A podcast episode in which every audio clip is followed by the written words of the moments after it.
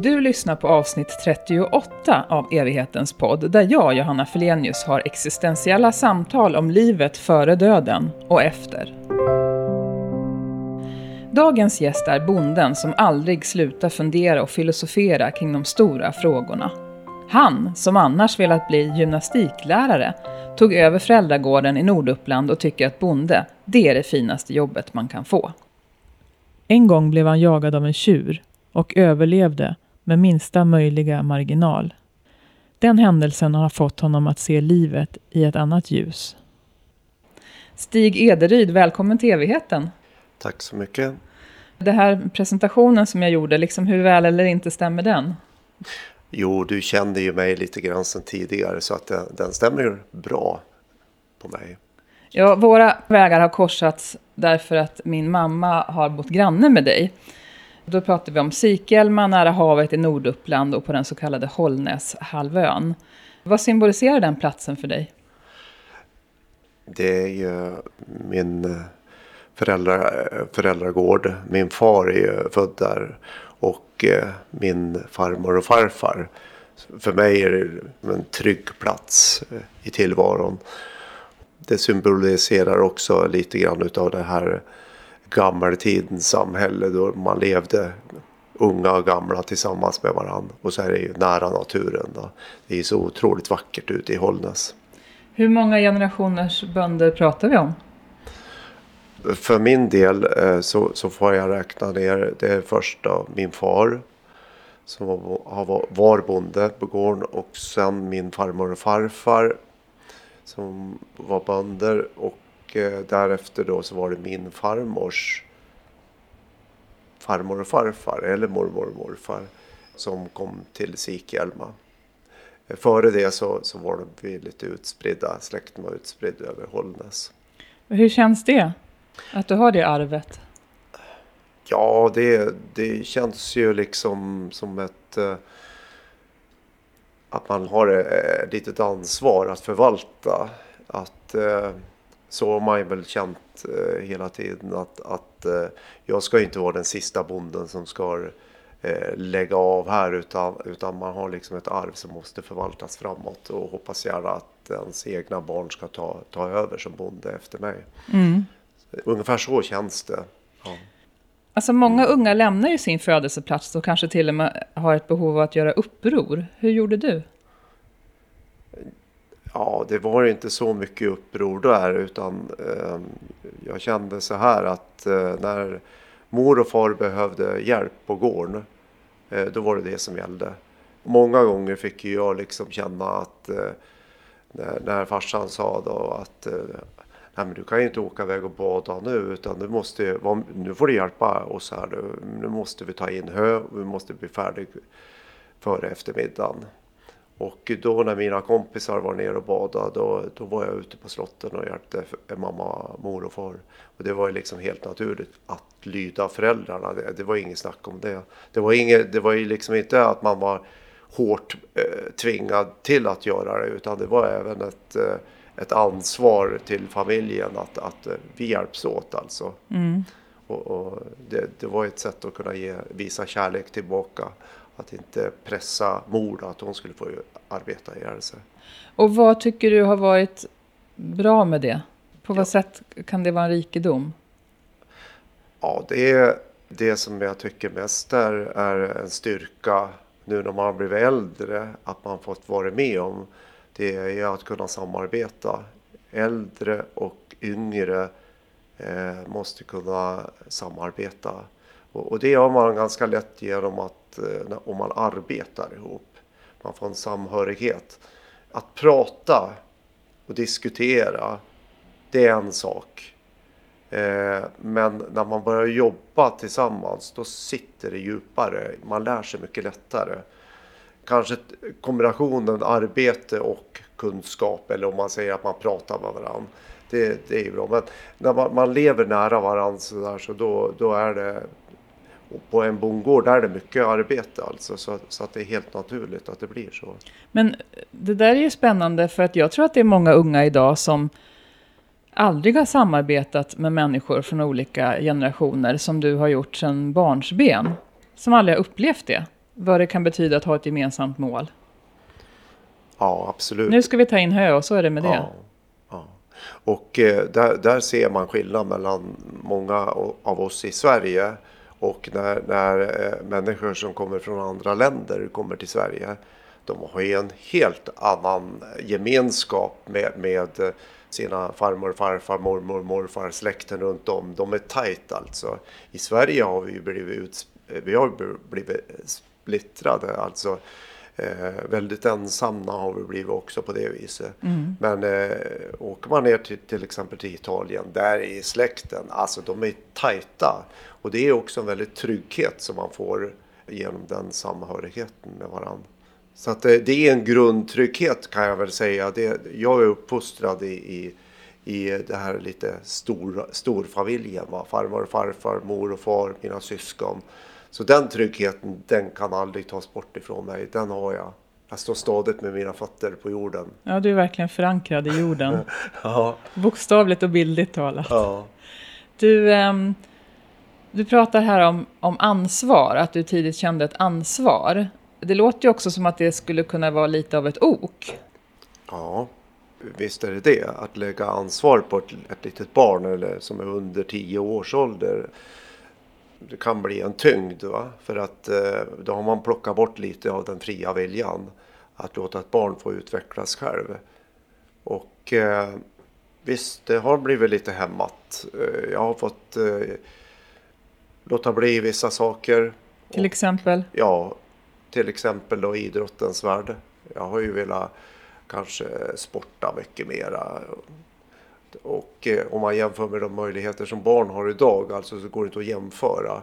Min far, skulle han ha stått och hejat på mig på hockeyrinken eh, när jag spelade hockey, alltså då hade man blivit som en tiger. Men där var det ingen uppbackning. Man fick kämpa i med och motvind och peppa sig själv. Men det är klart, det gick det också. Man mm. var inte bortskämd att äldre, att vuxna liksom peppa en, utan man fick eh, lära sig ta ansvar tidigt. När du var 15 år gammal så pekade din pappa ut en gymnasieutbildning. Ja. Hur blev det för dig? Ja, det, det var ju det som var det tuffa där. För att eh, jag ville ju liksom bli gymnastiklärare eller eh, fortsätta. Och då, då sa jag, frågade han mig att eh, ja men Stig, eh, Eh, Eh, skulle inte du, skulle inte du vilja gå på Gälla lantbruksskola? Det är en väldigt fin utbildning. Man lär sig svetsa, man lär sig laga maskiner. Och när han sa det, då blev det väldigt känsligt för mig. Eh, för här, här hade man gått med från min farfar som hade sagt att när du blir stor Stig, då ska du på bonde efter mig. Sen fick jag jobba hela mitt liv eh, som barn alltså på jordbruk och det var inget snack om saken. Det var bara att hjälpa till. Och då när han sa det, då betydde det detsamma som att Stig, vill du bli bonde efter mig? Och det, var, det var, blev väldigt känsloladdat. Eh, för att det var ju mor som visade mest kärlek och ömhet. Och så. Min, min far visade inte så mycket ömhetsbetygelser. Utan det var lite mera så Eh, att vi arbetar, pratar, moral, så ska man bete sig. Men den här varma kärleken, den, fick jag ifrån min mor. Det, det, det, låter som att du då, när du var 15 år och han sa att det här är en så fin ja. utbildning med lantbruksskola. Ja. Så det låter som att du såg hela livet framför dig. Så här skulle det bli. Det här, skulle, det här innebar det. Precis, det var liksom, han, han pekade ut vägen där, 15 års ålder. Jag skulle bli bonde det stämmer bra. Men minns du att du liksom sa ja eller nej eller så? Eller sökte du bara den då lydigt liksom? Ja, det, det, var, det var liksom ingenting att snacka om utan det, då var det klart. Mm. Det var, det var, jag behövde inte liksom tänka speciellt mycket på det. Utan det var, då var det klart. Och samtidigt så säger du att bonde är det finaste jobbet man kan få. Hur tänker du då? Absolut. Jo, men äh, det, det, det, kan ju vara jättejobbigt också äh, under vissa äh, årstider och under vissa förhållanden och, och när det går på tok och så sådär. För det, det gör det ibland. Men efter en vinter och efter en vår och när sommaren kommer och man släpper ut djuren på bete och man står där och tittar på, på, på allting vackert och så vidare och då, då säger man till sig själv liksom att ja, jag har ju faktiskt världens finaste arbete. Så är det. Vad är det som gör det? Det låter som att det, liksom, det är en närvaro. Ja, det är ju, en bonde jobbar ju ofta, eh, ofta så är man ensam. Eh, man har inte något stort socialt nätverk. Nu för tiden nej. Nej, nej. förr i tiden hade man ju mera det. Eh, idag har man inget stort eh, socialt nätverk och då när man kommer ut till det fria tillsammans med djuren och de, de får komma ut i harmoni ut där de egentligen ska vara. Det är helt naturligt för djur att vara ute. Och de hoppar och skuttar och, och då blir det så mycket energi man får tillbaka. Eh, och den här tystnaden som man får se, den ger otroligt mycket kraft och energi till, tillbaka. Naturen är, är, det är en kraftkälla för människor att mm. kunna få vara i. Även för dig? Ja, oh ja, oh ja absolut. Och eh, det har jag lagt märke till mer på när man har blivit äldre att ju tuffare dagar och ju mera kris man får gå igenom ju närmare naturen närmar sig. Man, man, man närmar sig naturen och man vill vara, gå ut eh, eh, och kanske sitta på en stubbe bara och lyssna på fåglar. Och så. Men hur är det att vara så beroende av naturen som du är? Alltså det är ju vi alla. Det är bara att människor i stan, vi kan liksom komma ganska långt ifrån det där med vattentillgång eller torka eller ja. eh, överfiske eller vad det nu är. Ja. Och du har det liksom kring dig hela tiden. Ja. Kan det vara så där att du liksom har svårt att sova när det är väldigt torrt ute eller, du, eller det, det, regnar för mycket eller vad det nu är? Nej, absolut inte. Utan är det problem så, så, så jag sover alltid tryggt. Det är inga problem. Och jag tar dagen som man kommer. Och jag ändrar inte på, på om det regnar eller så och tänker i de banorna hur jag kan påverka det. Utan jag tar dagen som man kommer. Och det är ju, ibland så blir det tufft alltså. Man måste forma sig efter tillvaron eller hur det ser ut. Ja men vad då? Du säger du tar dagen som den kommer. Är du sån tänker du? Eller har du blivit sån i med det här livsvalet eller vad man ska säga, livsstilen? Ja alltså om man säger så här. Om, om det är ett tåg som går med full fart och så stannar det till. Då hoppar jag upp på tåget och så åker jag iväg. När jag väl är uppe på tåget då kan jag inte ändra, jag kan inte hoppa av då. Utan det är bara liksom, man följer med. Och lika är det ju liksom i naturens lagar. Om det regnar, om det torkar eller någonting sånt där. Jag kan inte göra mycket. Det är inget problem som jag liksom kan gräma mig över eller bli knäckt över eller någonting sånt där. Utan man måste tänka framåt liksom och försöka och göra det bästa utav det hela. Det, och, och den, den, filosofin har man som bonde liksom att man, man och jag tror man kanske blir ganska envis och, och, och att man ger sig aldrig utan man, man eh, lite grann som överlevare liksom att det gäller att ja, göra det bästa av det hela. Mm. Vad, vad är det för en gård vi pratar om? Ja, det, det är en gård i norra Uppland då är det ju mellan Gävle och Forsmark längs efter kusten. Så, så är det. Eh, och eh, ja, det, det är ju Hållnäshalvön som sticker ut där. Och då är det ju en liten by där som heter Sikälma. Kikälma säger du? Sikälme. Sikälma. Ja, Sikälme. Ja. Du säger inte det så? Ja, jo, det är efter gammalt. Sikälme. Ja. Och, och där har vi ju fått lära oss hållnäskan. Eh, och eh, det är en grov dialekt så att säga. Och det är lite spännande bara det. För dialekten i hållnäskan. Eh, jag fick lära mig lite grann att höra den på 60-talet. Och, och jag har alltid sagt så här att skulle jag börja få prata med någon som har den här grova dialekten, hållnäskan. Då faller jag in i den själv väldigt snabbt. Eh, de säger det, det man en gång lär ett barn i tidig ålder det kommer de behålla när de blir stor. Men, men det finns du, där. Kan du säga någonting på hållnäska? Så att ja, vi... Varnörst. Ja, vart ska du? Nej. Vart någonstans? Vart någonstans? Varnörst. Varnörst. Ja. ja, men du har kor? Ja. Det är eh, nötkreatur, ekologiska köttdjur. Jag föder upp eh, kalvarna och så säljer jag dem till liv.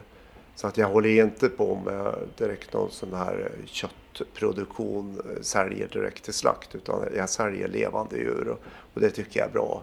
Det, det är liksom att man får ha dem levande så länge som det går. Så det, det, kan jag säga att jag, jag har ju en stor herreman, en tjur på gården nu och han ska ju snart gå, gå till slakt då blir det för att han, jag kan ju inte ha han kvar för länge för då blir det inavel.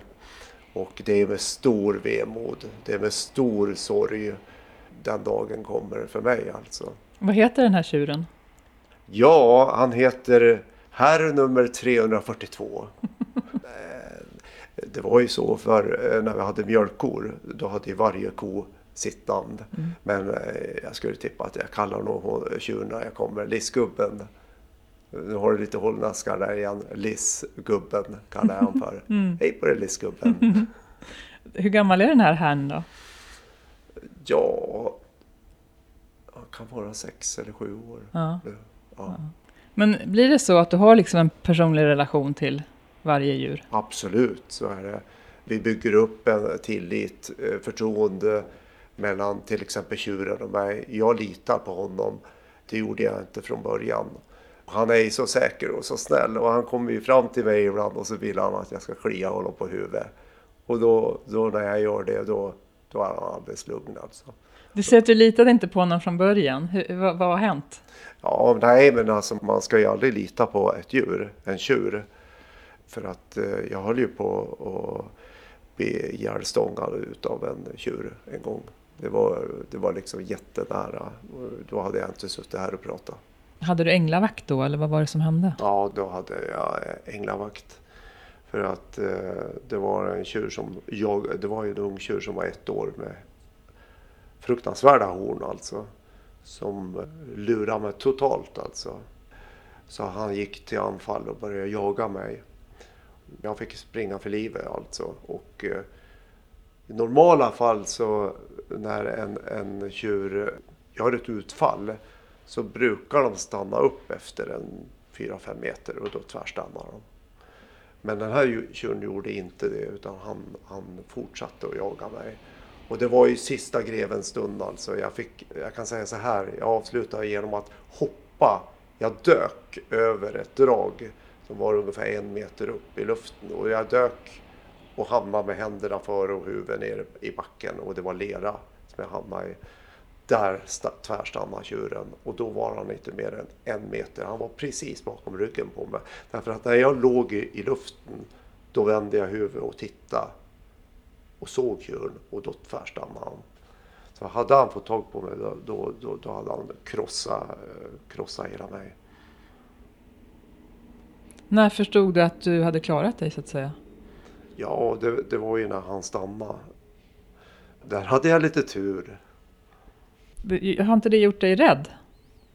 Jag hade ju mardrömmar. Vet du. Jag, jag såg ju den där tjuren, just det här sista tecknet. Liksom, eh, när tjuren var en meter bakom mig.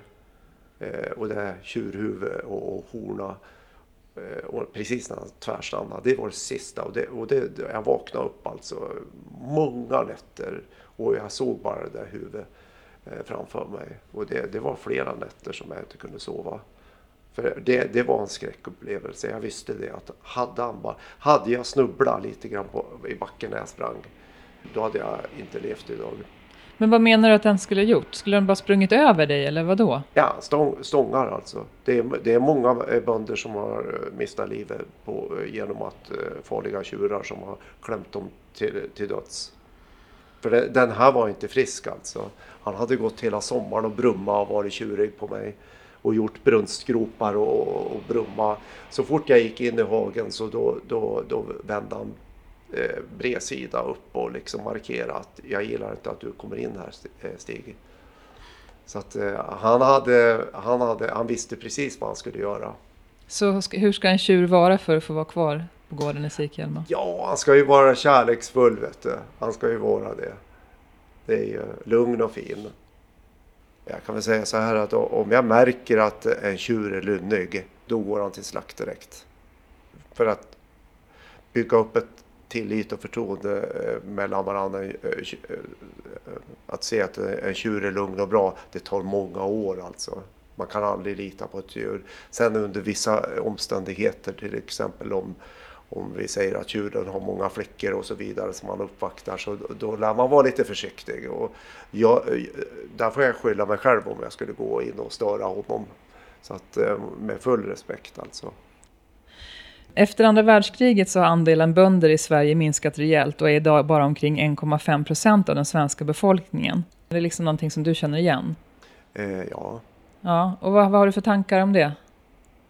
Ja, men det, det är ju liksom det här moderna samhället som har byggt upp det här och att eh, Sen har ju den här urbaniseringen skett så att säga. Människor flyttar från landsbygden in till städerna. Där finns jobben. Och eh, det är en naturlig utveckling som, som har skett alltså. Men det är ju många människor på det viset som också har gått miste om någonting helt fantastiskt. Att kunna bo ute på landet och vara med i det här cykliska, alltså man följer årstiderna, man sår, man ser det växa och man skördar. Eh, och man, till exempel man går ut på hösten, plockar svamp, man lagrar upp till vintern. Man har ett eget förråd av blåbär, lingon, jordgubbar, älgkött, mjölkprodukter. Och det här självhushållande systemet som vi hade förr i tiden, det är otroligt stimulerande. Och så var det ju, man var ju tvungen att överleva för att ens barn skulle ju ha mat. Va? Man måste ju skydda familjen. Det fick jag faktiskt uppleva på 60-talet när jag var litet barn. Hur farmor och farfar och mor och far. Hur de konserverade olika maträtter. Och sen hade vi en farbror som var fiskare och hur man kunde lagra maten på ett sätt i källare som man hade över vintern. Vad nöjda de var alltså när de hade lyckats få hela källaren full med potatis. Och, alltså det, det är otroligt stimulerande. Idag jobbar vi för att tjäna pengar och så ska vi köpa de här sakerna och det blir inga mera pengar kvar. Frågan är vilken som mår bäst. om man får jobba med det saker och ting för att överleva. Det är ungefär som en jägare som efter gamla. Eh, alltså du har ju jägare och samlare och så vidare. Man, man jobbar direkt tillsammans med naturen. Eh, I min värld så är det så att pandemin har tvingat fram en ödmjukhet vad gäller resande. Det är fler som odlar, det är kö till sådana här odlingslotter, det är fler som köper hus på landet. Är det här liksom någonting du har märkt av? Ja. Hur då? Jo, jo men alltså det är ju, jag bor ju i närheten utav ett sommarstugområde och eh, det har väl aldrig varit så mycket människor i, sina, i sommarstugorna som det har varit nu alltså under pandemin. Sen har ju priserna stigit runt omkring där jag bor. Vad har du för tankar om att lantbruket har förändrats och blivit så mycket mer storskaligt än vad det kanske var på din farfars tid? Ja, det är också... Det följer utvecklingen. Man kan väl säga så här att matpriserna de står ju ungefär på samma nivå. Bonden får sitt pris men kostnaderna stiger hela tiden och då är man tvungen helt enkelt att, att eh, effektivisera för att kunna överleva.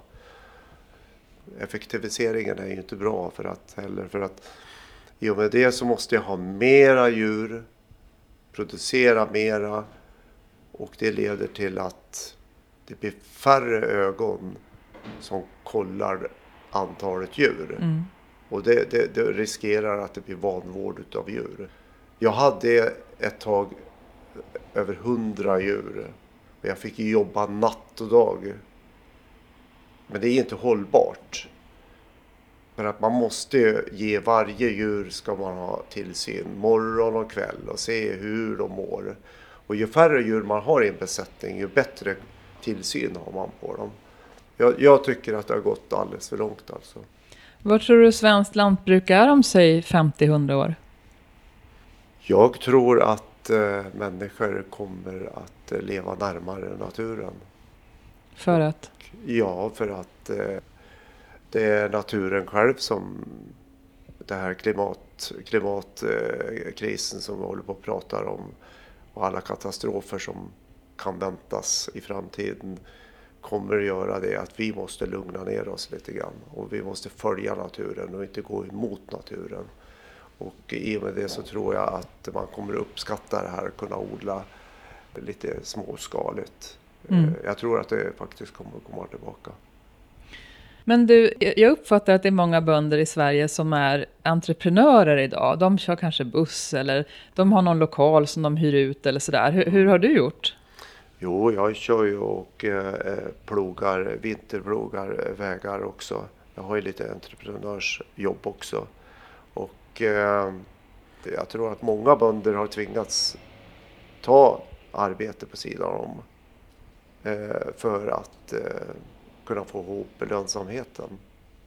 Det här att du kallar dig för bonde, vad handlar det om? Jag menar, det, det moderna ordet är väl lantbrukare. Tycker du att det är bara är larv eller liksom, varför säger du just bonde? Eh, ja, bonde det är ett kortare ord. Ja. Nej, men jag är stolt över att säga att jag är bonde. Absolut. Hur då?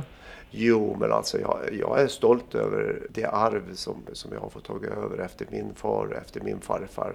Jag står rakryggad när det gäller det där. Mm. Fötterna på jorden. Ja. Du har idag tre vuxna barn och sex barnbarn. Vad tänker du om att det finns långt fler val idag? Vi pratade tidigare om det där med att din pappa liksom typ bestämde att du skulle gå lantbruksskolan. Medan idag så finns det mycket fler valmöjligheter. Apropå det här med arv och sådär. Ja. Eh, jag har aldrig liksom tänkt i de banorna som min far erbjöd mig. Eh, utan eh, låta eh, mina barn, de fick välja själv alltså vilken väg de skulle vandra. Nej, jag har, jag har inte velat gå samma väg som min, min, far, att försöka påverka mina barn för mycket. Man kan stötta dem i, i, i valet alltså, men inte mer. Har alla dina barn blivit akademiker? Liksom pluggat på universitet och sånt där? Ja, det kan man väl säga. Vad, vad tänker du om det, att, att det blev så? Jo, jag är stolt över det och eh, jag har fått... Eh, det finns en liten krock här alltså. Jag är född i det gamla bondesamhället resterna som var kvar på 60-talet. Och det var ju lite, lite så här machokultur liksom att karlar de ska göra det och kvinnor det var mycket, de ska stå i spisen och laga mat. Och, ta och så får jag tre döttrar. Jag vill att de gör ett eget val för, för sin egen framtid. Och eh, jag påverkas ju självklart utav, de är ju starka de här tre, tre döttrarna och min fru också. Så att eh, det har format, forma mig och få, få lära mig de här mjuka sidorna. Och eh, det är jag stolt över. Det, det tycker jag är jättebra. När du pratar om mjuka sidor, vad menar du då? Du säger att du kommer från liksom lite machosamhälle. Ja, det är väl att eh, eh visa, ta hänsyn. Eh, att att eh, låta tjejerna eh, få samma möjligheter och att de behöver en pushning framåt. Jag har ju även varit tränare i bordtennis och fotboll och jag har ju sett det liksom hur man måste stötta upp tjejerna för att de ska... Eh, de har inte haft samma villkor, killar och tjejer. Tjejerna måste man pusha på ordentligt, och hjälpa dem också för att eh, killar har ofta haft sina förmåner och fördelar bara för att de är killar. Så att eh, jag har fått hjälpa till och, slå, slåss på tjejernas sida. Så att de mjuka sidorna är helt enkelt det att man mjukare, kärleksfullare, mm. snäll eh, och att lyssna. Och vara kanske lite tyst, ta ett steg tillbaka. Vad är det som gör, tror du, att du inte gick i din pappas och farfars fotspår där och blev lika kompromisslös, eller man ska säga som dem, och bara antog att dina barn skulle ta över gården och så. Vad, vad är det som gör att du har haft liksom en, en, öppenhet för att lära dig ett annat sätt att vara på? Ja, jag tror att det beror på att det är, det är så mycket jobb alltså. jag är ju rädd alltså. Jag är mera rädd om mina barn alltså. Att de, för jag vet, vill de bli bonde alltså då kommer de få jobba mm. jättehårt alltså. Mm. Och, och jag, jag, jag, stöttar dem absolut om de skulle vilja bli bönder. Men eh, valet är deras och de ska veta det att det är, då, då kommer de få jobba alltså. Mm. Sen är det kanske inte världens eh, bästa lönsamhet att vara bonde idag. Då mm. måste man effektivisera och så vidare. Men, men ja.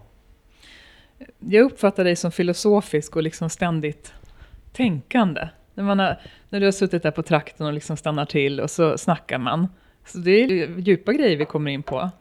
Är det din självbild också? Jo, men visst är det så. Och hur mycket handlar det om att, menar, det, det du beskriver är att du kommer från en miljö som, det var mycket gemenskap, man jobbade mot ett gemensamt mål. Idag är, är bonde ett väldigt ensamt jobb. Det, kanske, det, det, finns, det är många timmar man kan sitta där och, och tänka. Ja, visst är det så. Den ensamme bonden, vet du, har gott om tid att fundera. Och, men vi är alla olika.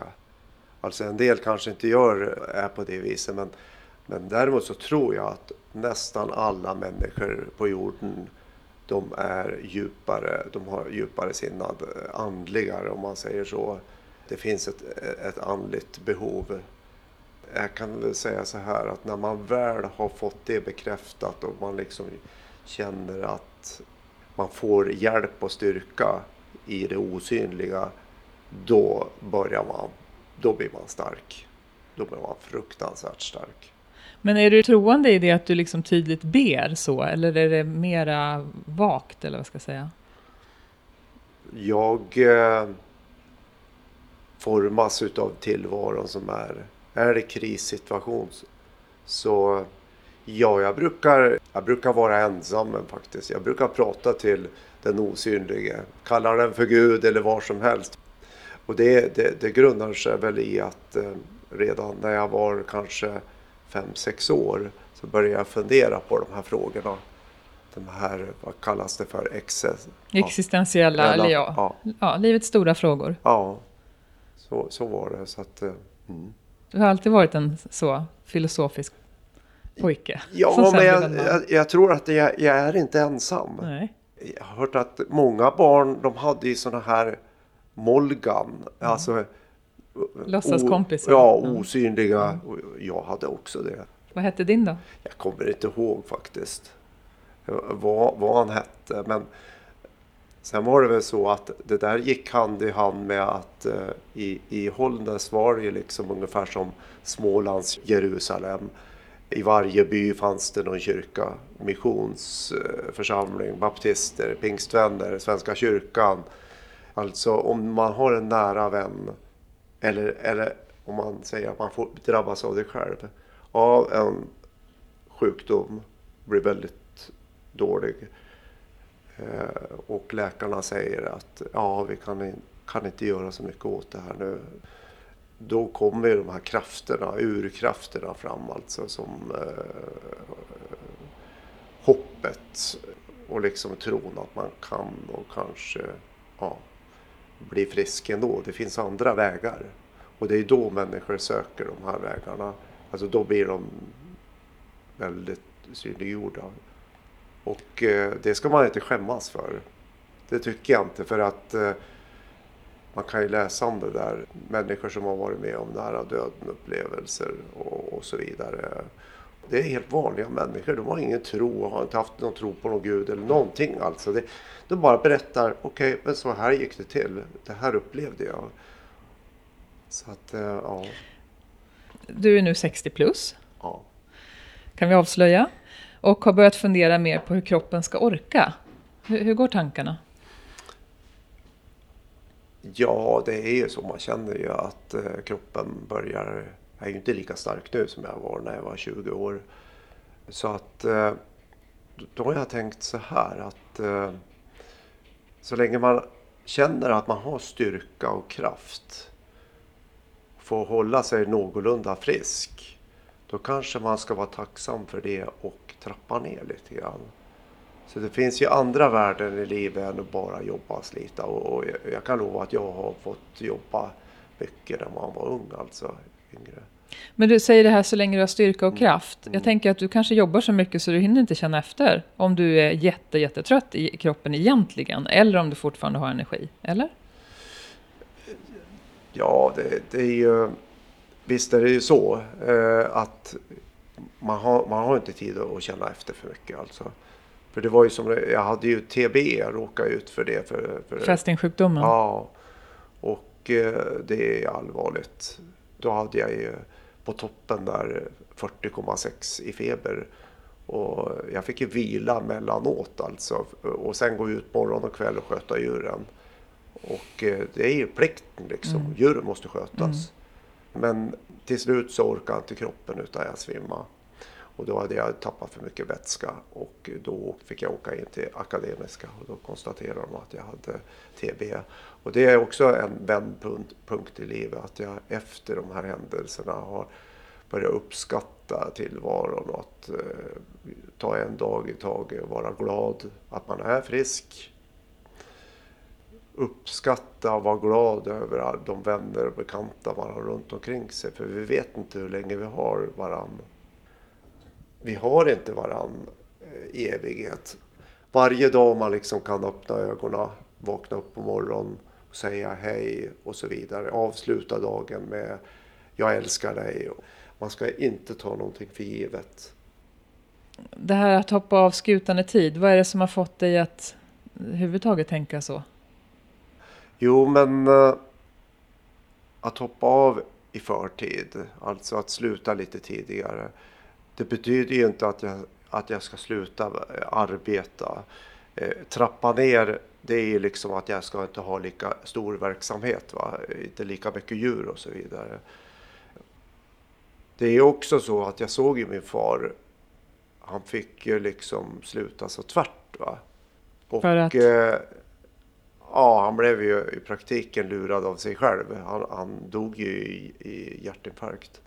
Han visste ju inte om det. Han hade gått in till en läkare och undersökts och läkaren och, och han trodde då liksom, det var ju min far som sa det hela tiden, att han hade sträckt sönder sin arm. Va? Men i själva verket så var det ju ett tecken på att han hade, ja, var på gång att få hjärtinfarkt. Så han går ut i kafeterian efter läkaren har undersökt och så dör han där bara. Pang! Och det var ju en väldig chock. Ja. Hur gammal var han då? Han var 76 år, skulle fylla 77. Och hur har det påverkat dig? Ja, det var känsligt. Vet du. För jag gjorde ju min bästa låt. Jag komponerar lite melodier. Det är den bästa låten jag någonsin har gjort. Den bästa med text och musik. Och den har legat där sedan 2007. Och jag försökte börja ta i den igen. För något år sedan. Men jag lyckas inte. Den ligger där. Den är helt klar. Och det är det vad jag tycker det är det absolut bästa jag har gjort. Eh, Så vi får se om det blir någon musikstycke som kommer ut sen. Ja, och vad handlar den om? Den handlar om, alltså, jag kan väl säga så här också, att när jag gör den här låten, jag har precis gjort den färdig. Då dör min far. Samtidigt som min äldsta dotter ska flytta till Stockholm och börja, börja eh, utbildning som sjuksköterska.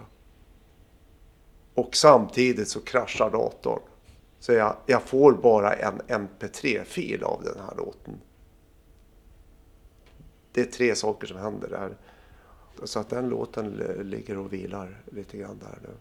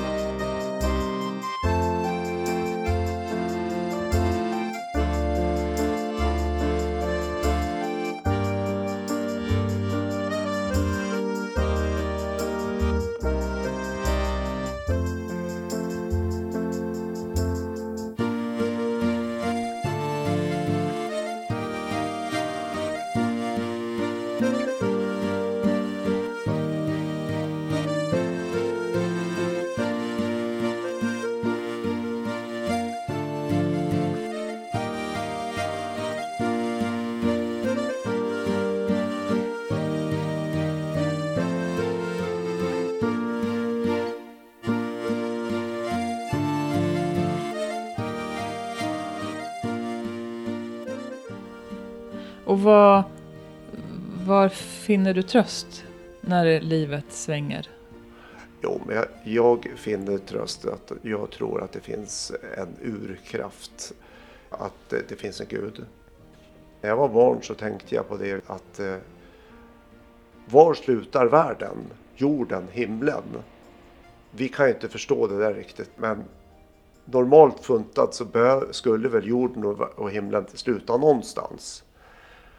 Men då ställde jag motfrågan, ja men vad finns bakom där då? då? Och eftersom det finns någon typ av evighet så måste det också finnas någon som har gjort den. Det kan inte vetenskapsmännen förklara.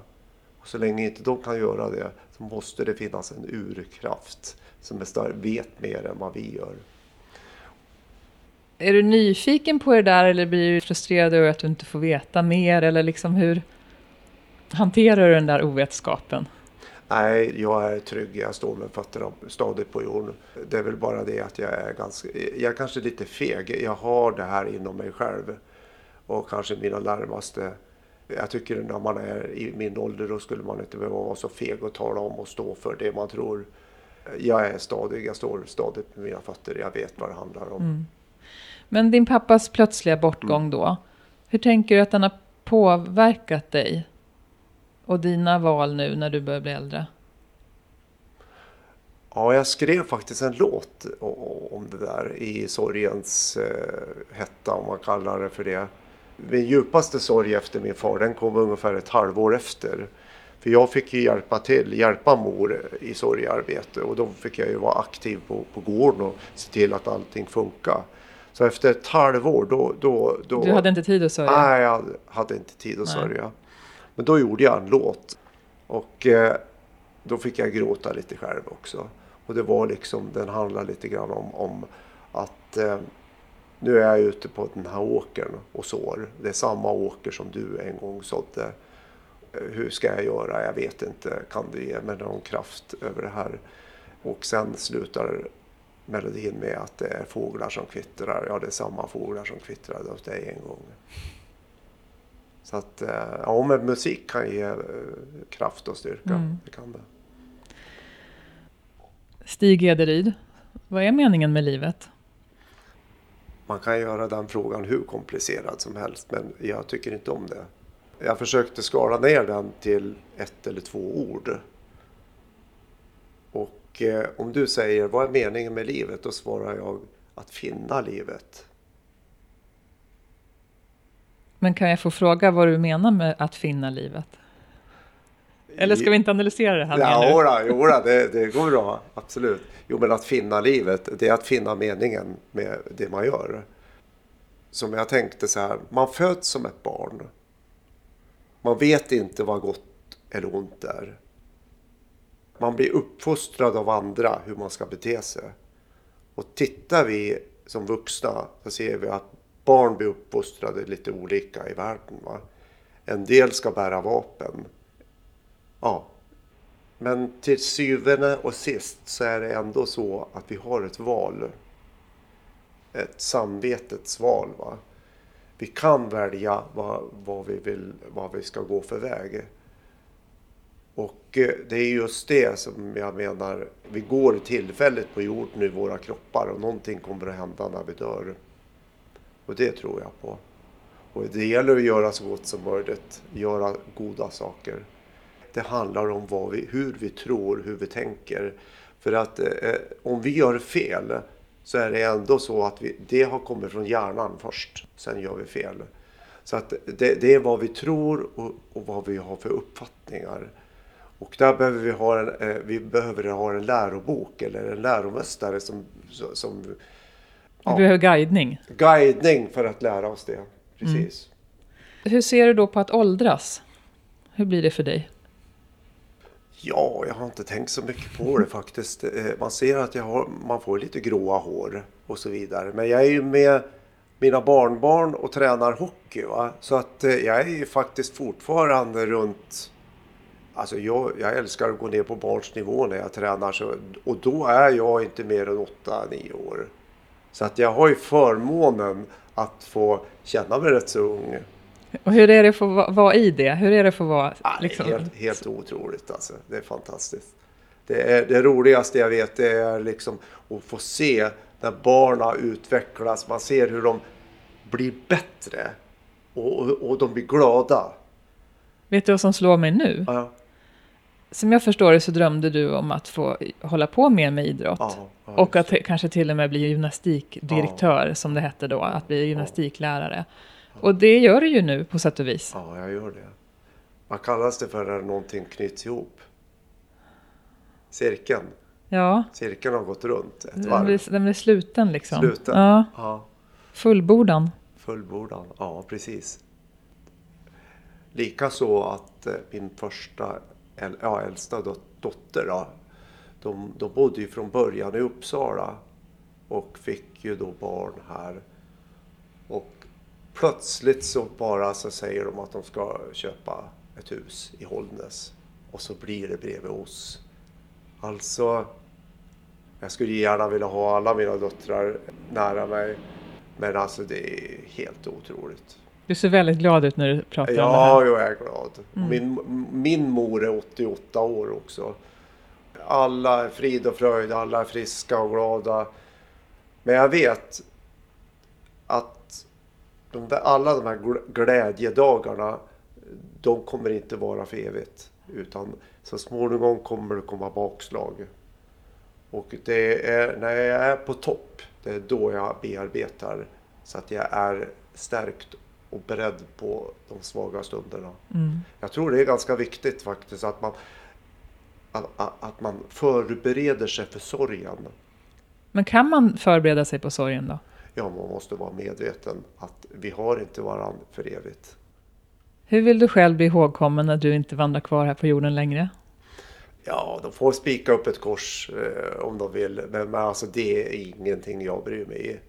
Det är ju däremot så att jag hoppas att eh, omgivningen tänker goda tankar om mig. Att jag försökte i alla fall göra gott.